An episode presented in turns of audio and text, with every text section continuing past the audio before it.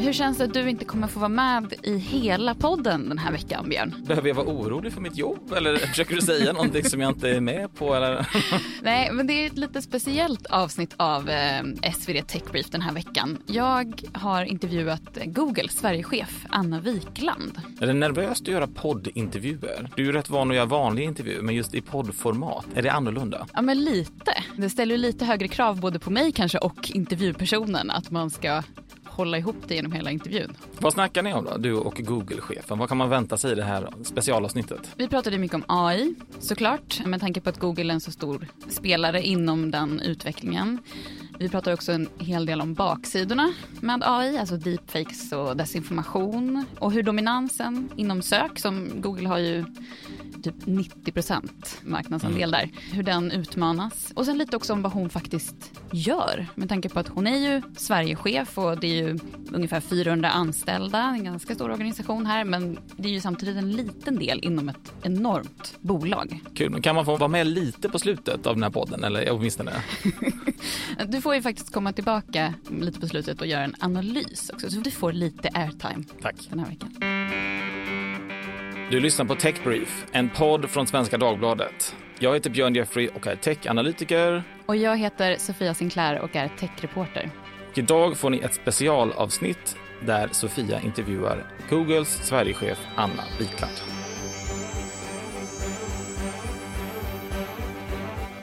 Välkommen till eh, SvD Tech Brief, Anna Wikland. Tack snälla, kul att vara här. Du är ju Sverigechef på Google sedan 2016. Men för att få en lite bättre bild av vem du är som person så bad jag Bard, alltså Googles AI-chattbot, att berätta några intressanta fakta om dig. Okay. Och den svarade då så här.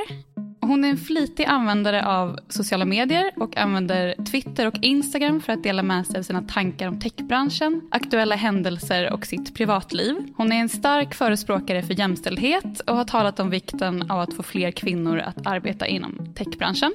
Hon är en djurvän och har en hund som heter Charlie. Hon är ett stort fan av ABBA och har sett dem live flera gånger. Hon är en duktig kock och älskar att laga mat till sin familj och sina vänner. Hon är en morgonperson och stiger ofta upp klockan 05.00 för att träna och läsa. Hon är en nattuggla och går sällan och lägger sig före klockan 23. Hon är en optimist och tror på att världen kan bli en bättre plats. Var det någonting här som du inte kände igen dig eller som inte stämmer? Mycket stämde förvånansvärt bra, men, äh. men, jag har ingen hund. Tyvärr. Jag skulle nog gärna vilja ha en hund igen. Jag hade det när jag var yngre, men äh. i, i dagsläget har vi ingen hund i familjen. Men har du sett ABBA live? Flera gånger. Nej, det har jag inte heller gjort.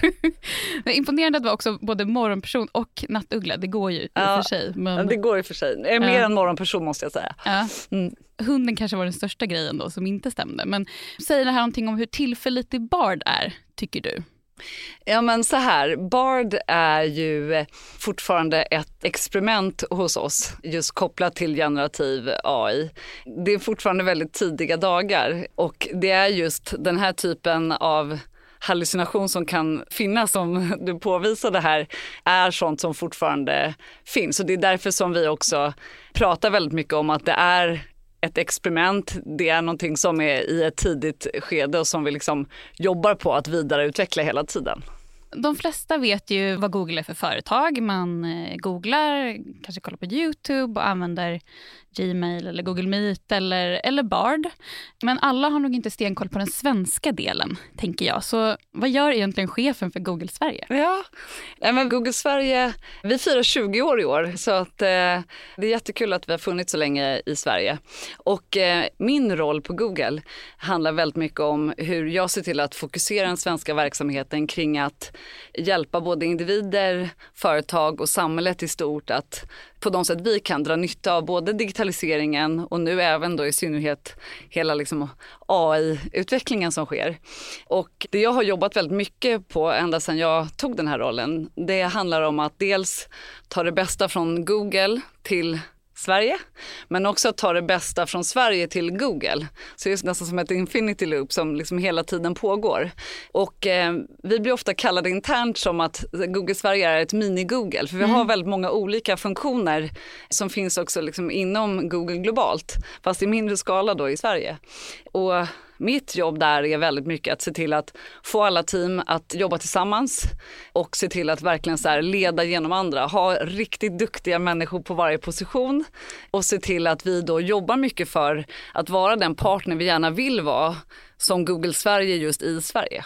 Och vem rapporterar du till? Vem är din chef? Min chef eh, heter Peter Fries och han är vice president för Google i norra Europa. Så att eh, norra Europa för oss är Norden och Benelux. Mm. Så han sitter i Köpenhamn. Och eh, vilken kontakt har du med de högsta cheferna på Google? Till exempel vdn Sundar Pichai och sådär. Ja, men vi ses till och från. Vi hade förmånen i maj förra året att få besök av Sundar. Så han kom hit på besök, Det var första gången han var i Sverige. Det var en sån här ljuvlig majdag när han var här också. Så att Stockholm visade sig verkligen från sin bästa sida. Så det var väldigt kul. Han fick ett otroligt eh, bra intryck av Sverige och utifrån de mötena vi hade. Sen så Philip Schindler som är vår Chief Business Officer, som är som min högsta chef, träffar jag några gånger om året. Dels när jag är i Mountain View på olika typer av möten och vi har en del både mejl och telefonkontakt ibland om det behövs. Och Matt Britton då som sen är ansvarig i EMEA, honom eh, träffar jag lite mer löpande under året. Och Google är ju ett gigantiskt globalt företag. Hur stor frihet har du att liksom fatta egna beslut kontra liksom hur mycket som måste förankras högre upp? Nej men precis som du säger så är vi ju ett jättestort globalt bolag så att de globala strategierna och så sätts på globalt håll.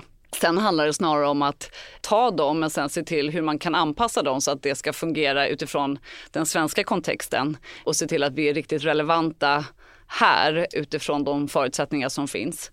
Men sen så är det lite beroende på utöver det liksom vad det handlar om väldigt mycket eftersom vi är globala plattformar så är det också många beslut som tas som också görs på internationell nivå som inte görs här. Så det är lite olika så. Har det funnits lägen då du velat göra andra val för eh, den svenska verksamheten än det som är den globala strategin?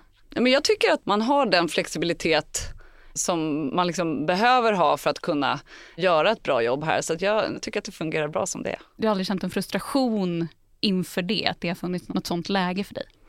Nej, det har jag inte.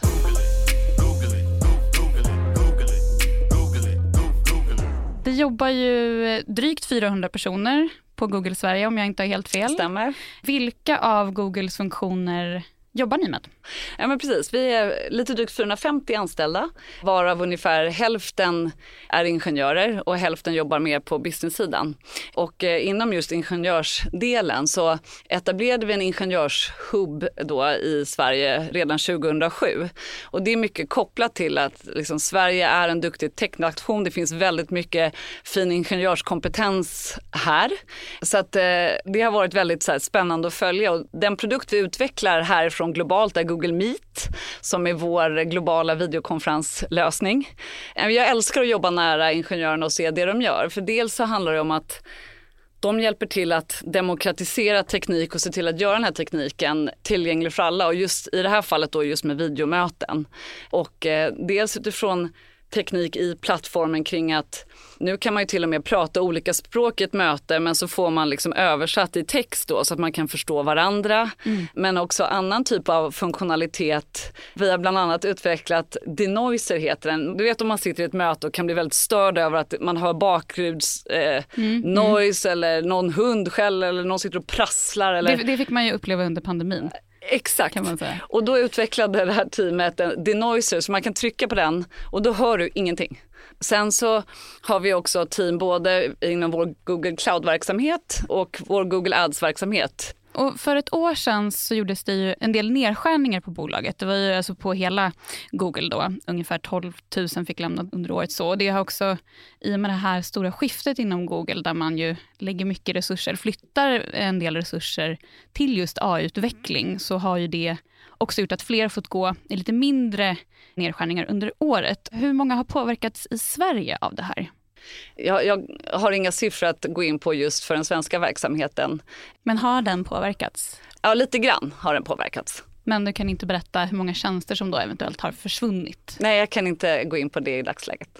Men eh, på tal om AI, då, som vi är mycket inne på nu, så hittade jag en rubrik i våra arkiv från en av SVDs första intervjuer med dig från 2016, ganska kort efter att du då hade blivit eh, Sverigechef. Och den hade rubriken Google-chef, artificiell intelligens vårt främsta fokus. Och det du sa då är ju vad nästan alla bolag lägger fokus på nu. Så du var ju tidig där. Men AI-tjänster som ChatGPT utmålas ju också nu av eh, en del som ett hot mot Googles dominans på sökmarknaden. Hur ser du på det? Om man tar ett steg tillbaka, precis som du nämner, så har AI varit någonting som har varit en del av vår strategi väldigt länge. Långt innan 2016 till och med har liksom AI integrerats i våra produkter. Allt ifrån ja, men just ta i sökresultaten för att ge dig så bra som möjligt eller i Google Maps för att du ska kunna ta dig från A till B bra och så vidare. Och eh, 2016 när Sundar Pichai tog över som vd så satte han det väldigt tydligt att vi ska ha en AI first strategi framåt. Så ännu mer liksom fokus på det här. Och det fortsätter vi ha. Det är en enormt spännande tid om man tänker på hur mycket som liksom händer hela tiden. Och det är klart att så här, det är spännande att se också att det är, så här, det är många bolag som har det här fokuset och som utvecklats framåt, vilket är sunt. Men utifrån hur vi fokuserar här, om man pratar liksom sök i synnerhet här. Så egentligen sedan början, alltså mer än 25 år, så har vi någonstans fokuserat på att hela tiden försöka göra sökmotorn och resultaten bättre hela tiden. Och de senaste åren just tack vare AI så så tycker jag att resultaten, jag tror många känner detsamma, att de har verkligen kunnat bli bättre och bättre hela tiden.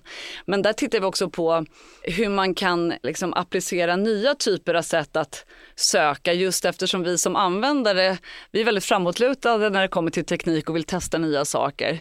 Så där har ett fokus också varit att fortsätta att utveckla tekniken utifrån det vi har behov av, oavsett om man vill söka via bild eller text eller video. Lens är ett sådant exempel. Har du testat Lens? Nej, jag har bara hört, hört talas om. Ja. Lens det är ju alltså när du kan ta en bild på någonting och söka på det sättet. Jag använder det jätteofta, jag tycker det är fantastiskt. Men också nu då kopplat till generativ AI och man tittar på inte i sökmotorn, men i ett separat projekt, testa hur man liksom kan ge användare innehåll och sådär. Så att vi fortsätter hela tiden att utvecklas just för att vara relevanta för mm, användare mm. på olika sätt. Men kommer Googles marknadsandel inom sök, som ju ligger på, det är väl lite olika på olika marknader, men runt 90 procent brukar man säga. Tror du att den kommer minska på sikt på grund av det här jag nämnde innan, alltså konkurrens från andra AI-tjänster och sådär? Alltså, vi opererar ju verkligen i en konkurrensutsatt marknad. Så att det är lättare för mig att fokusera kring hur vi gör för att fortsätta vara relevanta. Men allt eftersom fler bolag utvecklar produkter och tjänster också så måste vi fortsätta vara på tå för att verkligen se till att användarna tycker om våra produkter.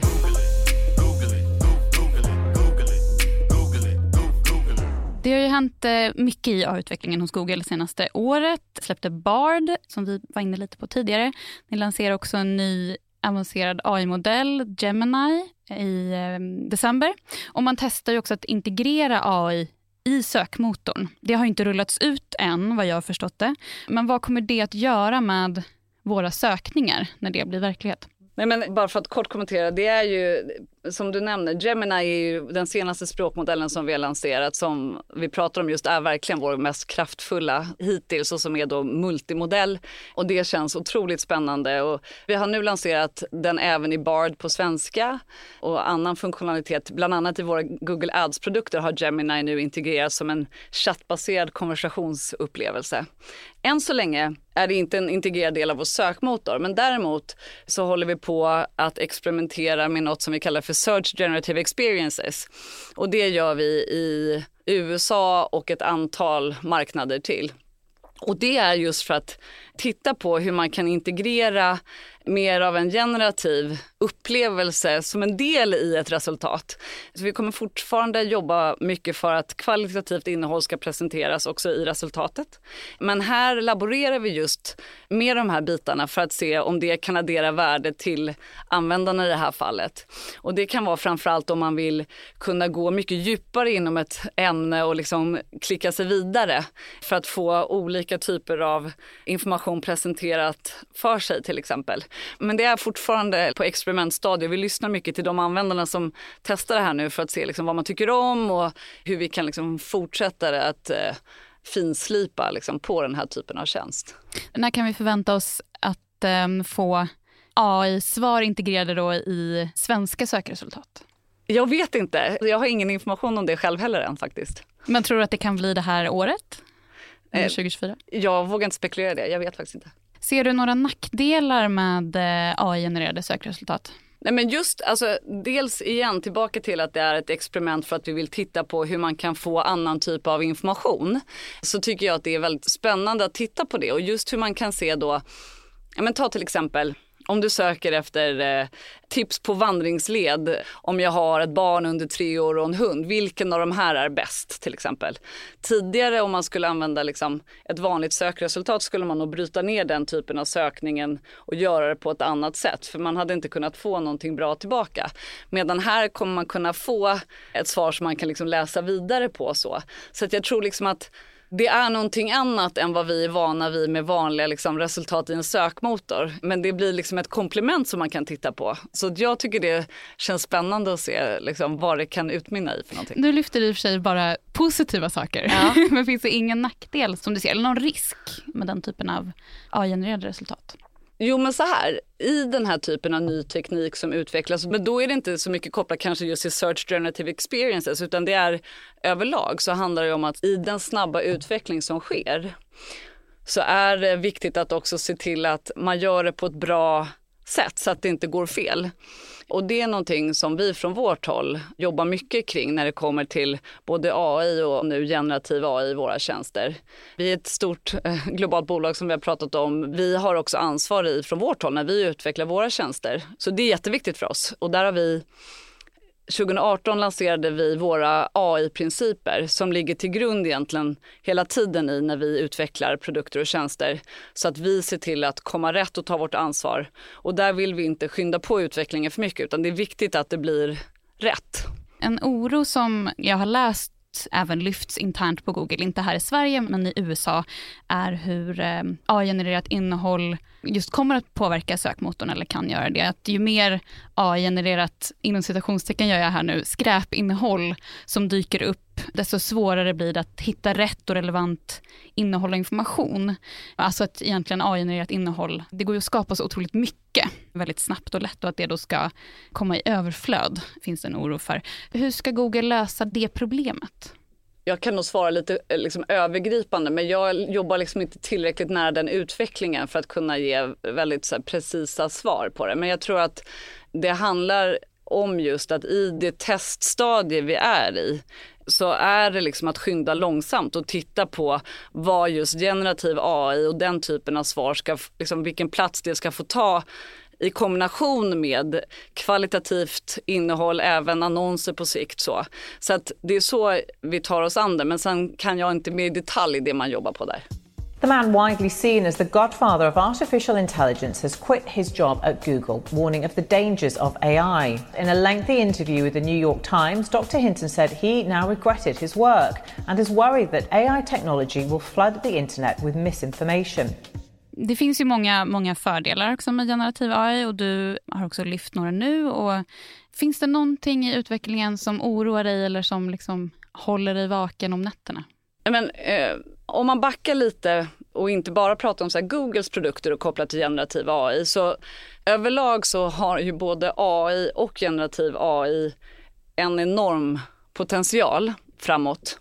Och det gäller ju även liksom här i Sverige och hur man verkligen kan se till att dra nytta av den på många sätt. Det kan öka både produktiviteten otroligt mycket och leda till ny eh, liksom, innovation. Och för Sveriges del så kommer just att se till att anamma AI och generativ AI kommer vara liksom absolut nödvändigt för att stärka vår konkurrenskraft framåt. Men om man då går in på lite mer det du nämner med oro också, så när ny teknik utvecklas så handlar det också om att se till att inte ha för bråttom utan att se till att liksom, utveckla det här på ett ansvarsfullt sätt.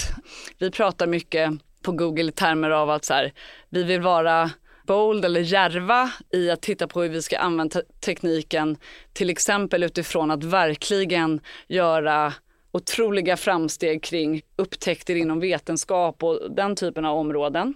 Men vi måste också göra det på ett ansvarsfullt sätt.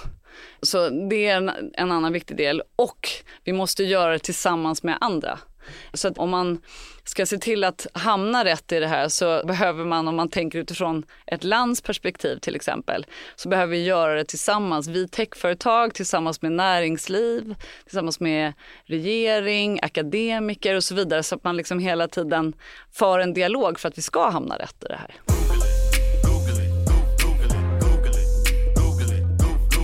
Någonting som ju har varit uppe mm, och aktuellt nu bara senaste veckorna och som många oroas över är ju AI-genererad desinformation och deepfakes. Är det någonting som du också kan känna oro inför? Det här är ju ett jätteviktigt område att liksom belysa och jobba för att ja, hamna rätt i och motverka när det behövs.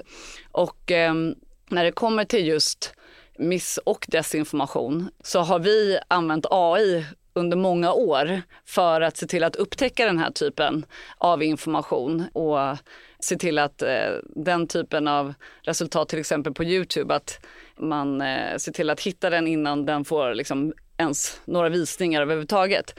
Och eh, om vi börjar med att prata deepfakes så även här så kan vi eh, se till att använda AI på ett väldigt bra sätt just för att på Youtube då, det är framförallt där i sådana fall som det sker just med deepfakes, att man använder det för att snabbt kunna ta ner innehåll om det bryter mot våra policies. För vi har väldigt tydliga policies kring vilken typ av information som får finnas på våra plattformar.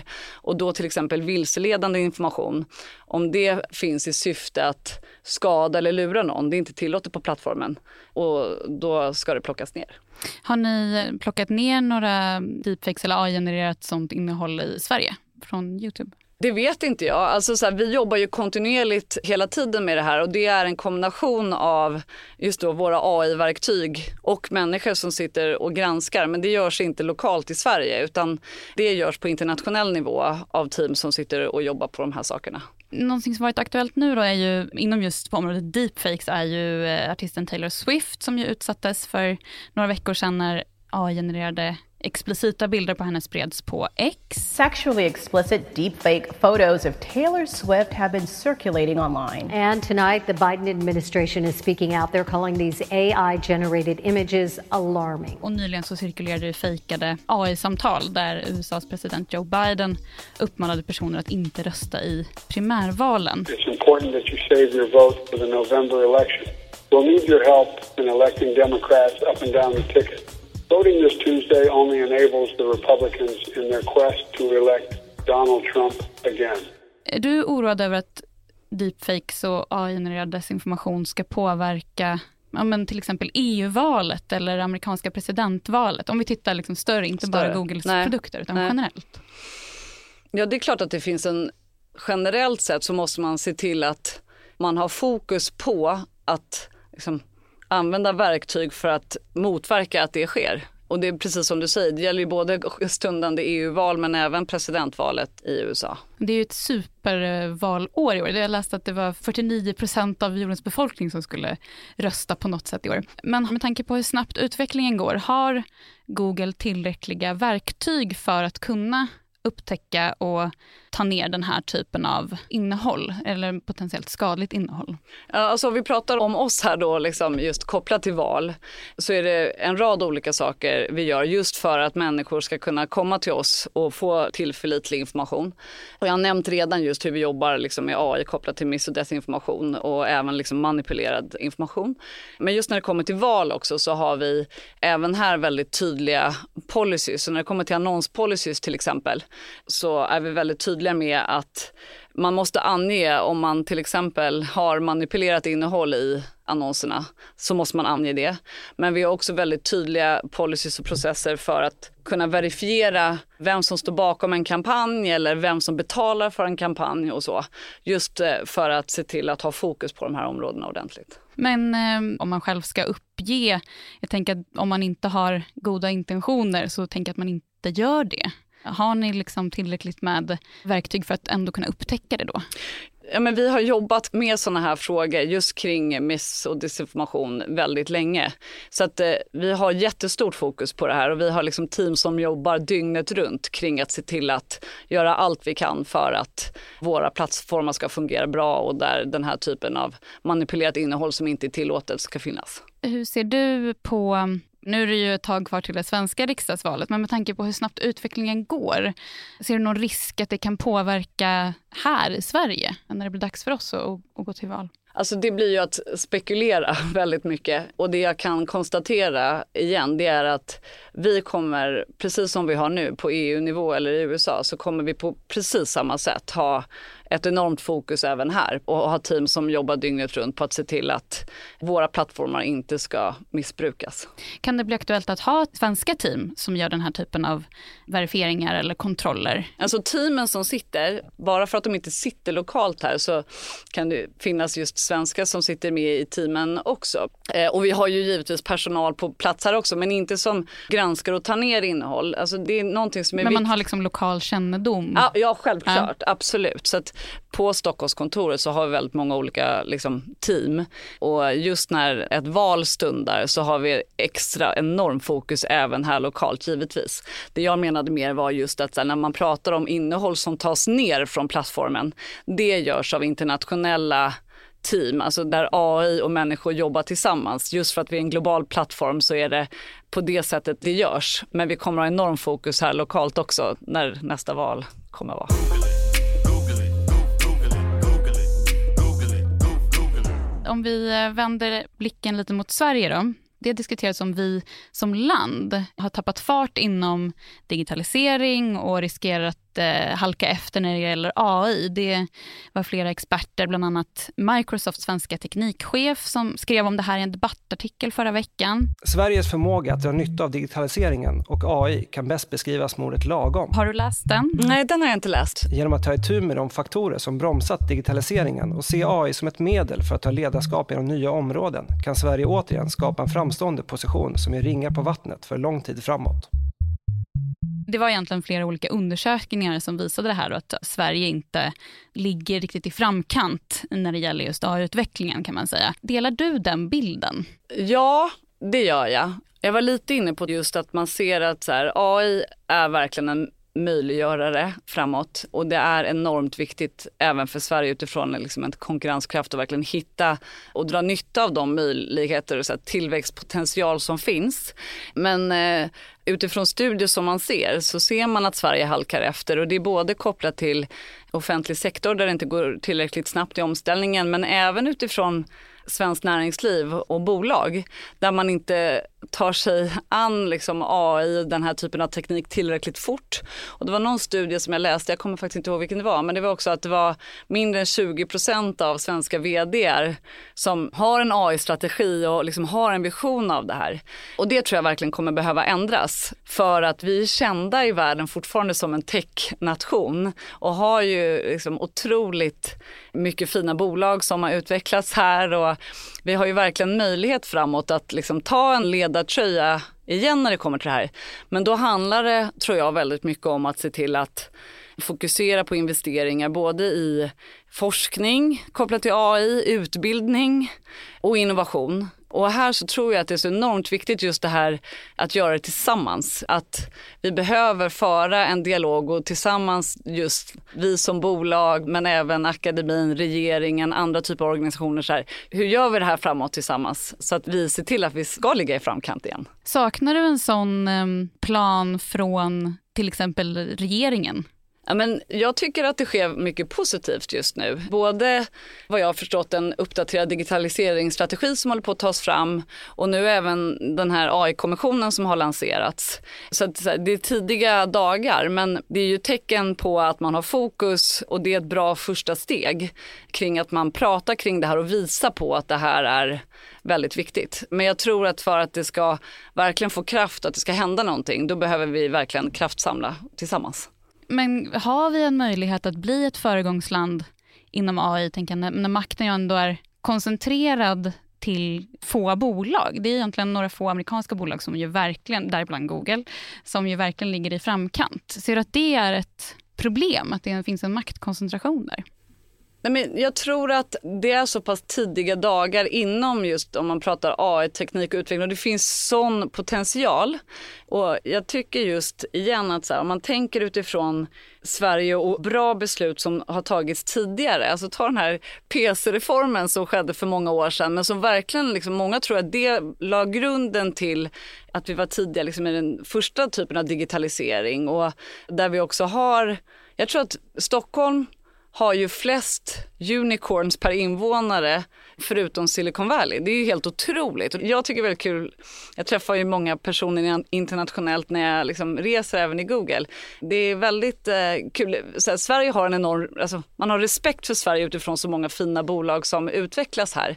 Så att jag tror verkligen att Sverige framöver, om man gör medvetna val nu och fokus, så har man verkligen en chans att så här, lägga sig mer i framkant igen.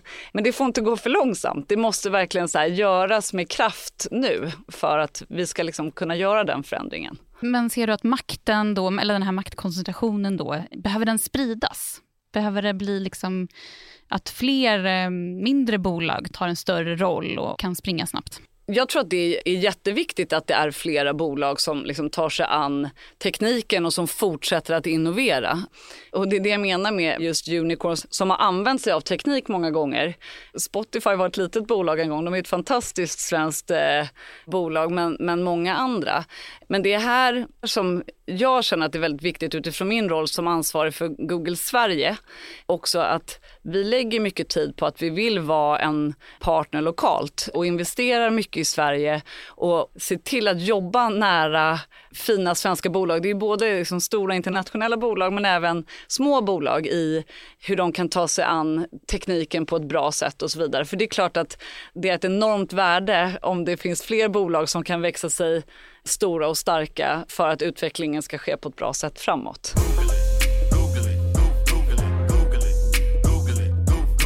Om vi ska återknyta lite till där vi började. Om du kommer tillbaka om, säg, tre år, vad tror du att Bard kommer berätta om dig då? ja, bra fråga. eh, oh, gud, jag vet inte. Men jag hoppas att man fortsätter att prata om eh, mig som en ledare som bryr sig om människor. Som liksom leder genom andra och är prestigelös i det. Och jag hoppas också att om man tar utifrån liksom, som affärsledare i Sverige att nej, man jobbar på ett inkluderande sätt och, och förhoppningsvis liksom har varit med och bidragit här lokalt i Sverige. För det bryr jag mig väldigt mycket om. Och om Bard fortsätter att säga att jag är en morgonmänniska som tränar mycket, gärna. Tror du att den kommer ha rätt om allting då? Det blir ingen hund där som heter Charlie? Charlie. Som... Eller så har jag skaffat en Eller hund då, kanske blir inspirerad. Så här, experimentet Bard har ju sannolikt kommit längre. Det är svårt att liksom säga, jag skulle aldrig våga säga att det inte finns något fel, men så snabbt som utvecklingen går så har vi sannolikt kommit många steg framåt i utvecklingen. Och vem tycker du att vi ska intervjua i SvD Tech Brief härnäst? Då skulle jag välja Sara Örvall, en affärskvinna, för att jag tycker att hon eh, har så lång erfarenhet liksom, i näringslivet i både ledande positioner på ja, bland annat SCB och Axel Jonsson, suttit i styrelsen i Väster och så vidare. Men hon är också författare, hon är AI-expert. Hon är väldigt klok. Tycker när vi pratas vid så lär jag mig alltid väldigt mycket av henne. Tack så jättemycket Anna Wikland för att du kom hit. Tack för att jag fick vara här.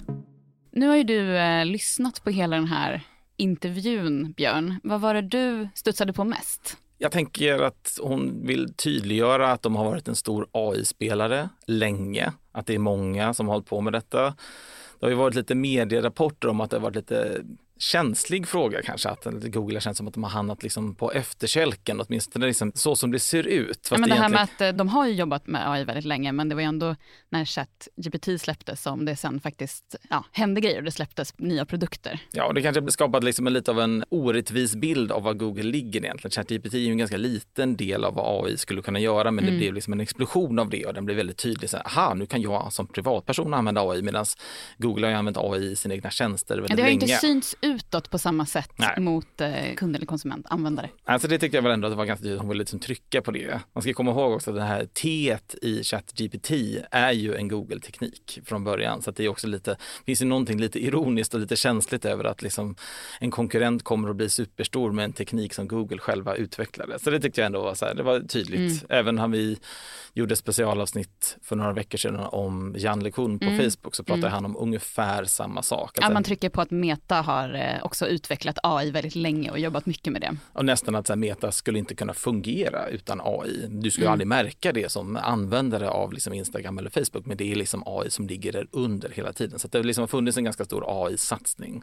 När hon pratade om eh, Bard också, alltså deras eh, Googles chatbot, så pratade hon ju en del om att det är fortfarande ett experiment. Vad tänker du om, om det? Jag tänker att man kanske inte gör för mycket av jämförelsen mellan Bard och ChatGPT eller andra produkter överhuvudtaget, att det ska bli som en representation av så här, det här är vad vi klarar av inom AI, utan snarare det här är ett litet test. Mm. Det är ett test som vi håller på med, den gör vissa saker bra, den gör vissa saker mindre bra, men det här är liksom inte en, det är ingen recension av vad våra AI-förmågor egentligen består av. Och det stämmer nog. Egentligen. Jag skulle tänka mig att de riktiga AI-hemligheterna ligger nog ganska djupt liksom nere i Googles kassavalv. Så att säga. De har ju liksom inte sett riktigt vad de gör. Mm. Så jag kan förstå den positionen. Och enskilda chattbottar är ju kanske inte där som AI-kriget så att säga kommer att avgöras ändå. Så att på det viset så kanske det blir fel att titta på Bard och tänka om den säger någonting konstigt så betyder det att Google inte har koll på AI. Så är det nog inte egentligen heller. Och det kanske har blivit lite mycket av det i medierna. Så jag kan förstå att de trycker på den, den Mm. punkten ändå. En annan grej jag tänkte på var ju när ni pratar om Google och sök liksom, och dess position på sökmarknaden och liksom, när kommer AI-svar? När kommer de integrera AI Ja, i sökmotorn? i sökmotorn. Generativ AI? Där är det ju liksom väldigt, väldigt svårt för ett företag som Google att göra någonting i praktiken för att minsta lilla förändring på vanliga sökmotorn får sådana enorma konsekvenser i intäkter. Jag känner ju folk som jobbar på Google på den här typen av produkter och min, om du vill liksom byta färg på en länk så finns det liksom en matematisk formel som kan ta fram och säga att det där kommer kosta 0,006 procent conversion rate och det resulterar i 10 miljarder över fem år. Liksom. Så att det finns en enorm obenägenhet att ändra på en produkt för att den är så fruktansvärt stark och fungerar så bra och tjänar så mycket pengar här idag. Så även där blir det liksom lite av en otacksam position nästan för Google. För det är inte så att de inte skulle klara av att göra liksom AI-grejer. Men att Bing testar massa liksom sökgrejer. Det är Bing, för att de är så små, de har så liten marknadsandel Bing har ingenting att förlora. Ja. det kan inte bli sämre för Bing än vad det är marknadsandelsmässigt, men det kan nästan bara bli sämre för Google. Mm. Så att om Google ska hålla på och liksom bråka med sina sökresultat och liksom skapa en osäkerhet hos folk, man googlar på någonting, man förväntar sig en viss typ av svar, får en helt annan typ av svar istället. Liksom sökresultatsidan ser helt annorlunda ut. Skulle nog ganska många människor bli rätt förvirrade och tänka att det har blivit något fel här, jag vet inte vad som har hänt. De kanske inte klickar på annonser på samma sätt och det kan få enorma konsekvenser. Medan för Bing har ju liksom en ensiffrig marknadsandel. Så det är klart så här, de kan ju testa precis vad som helst. Det kan ju bara gå uppåt i princip. Och det där är liksom en lurig balansgång. Men tror du att de väntar för länge då med att rulla ut det? De testar ju, Google testar ju fortfarande det här um, Search Generative Experience Mm. i USA. På stor skala, det finns ju stor risk att man gör det. Det här brukar kallas för innovators dilemma. Liksom att det är svårt liksom för de som är i en stark position från början att liksom ifrågasätta sin grundmodell. Lite som så här, Apple kanske inte kommer släppa en helt ny mobiltelefon för man vill inte bråka med iPhone-försäljningen. För iPhone-försäljningen går så himla bra så då gör man istället en lite bättre iPhone. Istället för att säga, ah, men vi gör en helt annan typ av telefon för då tänker man sig, oj, det kanske bara går att köpa den istället. Det vill vi inte, vi vill att de ska fortsätta köpa iPhone. Och Google på samma sätt vill att man ska fortsätta fortsätta googla och klicka på annonser precis som tidigare. Så det där är en notoriskt svår position att vara i. Det är lite otacksamt när man är liksom en sån marknadsledare, för då kan det ju se ut som, jaha, de kan inte det här. De vet inte hur man gör, fast det är nog inte alls det som är problemet. Problemet är, de har en så otroligt bra position som de inte vill kasta bort. Och då blir man försiktig på grund av det. Men det är klart att man kan ju bli för försiktig också. Det är möjligt. När vi pratade om ehm, AI och mycket ansvar, alltså när man pratar just kring deepfakes, desinformation och eh, vilket ansvar som Google tar där, så pratade ju Anna Wikland ganska mycket om att man behöver ta ett gemensamt ansvar. Var det något du reagerade på där när du hörde det? Det är ju lite typiskt med techbolag överlag att man pysslar gärna på sin egen kammare när det kommer till sin egen affärsutveckling. Men så fort det kommer till liksom stora ansvarsfrågor, då är det vi som bransch eller vi som samhälle eller vi som land. Då ska vi alla plötsligt vara med och ta ett jättestort ansvar för det här. Det stämmer väl kanske när det kommer till AI-frågor så är det större än ett enskilt företag. Men det är klart att de största spelarna, där är ju makten väldigt, väldigt koncentrerad. Och det är ju liksom, även om man säger, ja vi ska dela på det här ansvaret mellan en massa olika människor. Vem driver den utvecklingen? Det kommer inte vara Google som bjuder in till liksom gemensamma AI-samtal för att lagstifta. Så att det, det krävs ju ändå någon slags samordnande faktor här. Jag är lite oroad att man säger det vore bra om vi samarbetade och sen säger alla parter det och sen så blir det inget samarbete. För det är mycket lättare att peka på liksom en abstrakt grupp med liksom samhällsrepresentanter och politiker än det att sätta samman en sån grupp. Och det kommer kanske inte komma från Google, men det kanske inte kommer från någon annan heller. Så att I vanliga fall när det har varit andra typer av liknande frågor, när som techbolag förväntas ta ett större ansvar, då brukar man ju hoppas dels då att det ska självregleras på något vis. Mm. men branschen tar hand om det här, vi löser det här själva på något vis. Och de gör ju vissa saker eh, redan som hon berättade om, men det ligger också en del på användare. Jag tänker till exempel på Youtube att man måste säga till om man använder generativ mm. AI till någon video och så. Det är klart, de har ju vissa system för att hitta det också, men, men det är ju ändå ett ganska stort ansvar på, på användare, precis som också OpenAI också har i sin policy, att mycket ligger på att användare också upptäcker saker. Ja, det är ju lättare att fördela ut det ansvaret. Det är klart, när man äger en marknadsposition så, då, så som de gör i sök, då är det ju lätt att liksom få in full, liksom, det är inget som man ska, den vill man inte dela, den vill man gärna ha själv och full kontroll på sökresultat och sånt där. Men när det kommer till sådana nya frågor som är lite känsligare så är det liksom jag tror inte att hon menar att de inte skulle delta, det tror jag inte. De tror absolut skulle vara en del av den. Och det här är ju liksom ingen kritik mot Google i sig, men man kan ju fundera som utomstående, vem kommer att driva den frågan och kommer det här överhuvudtaget att bli av? Och kommer det bli av i tid? Där är lite mer tveksamt kanske.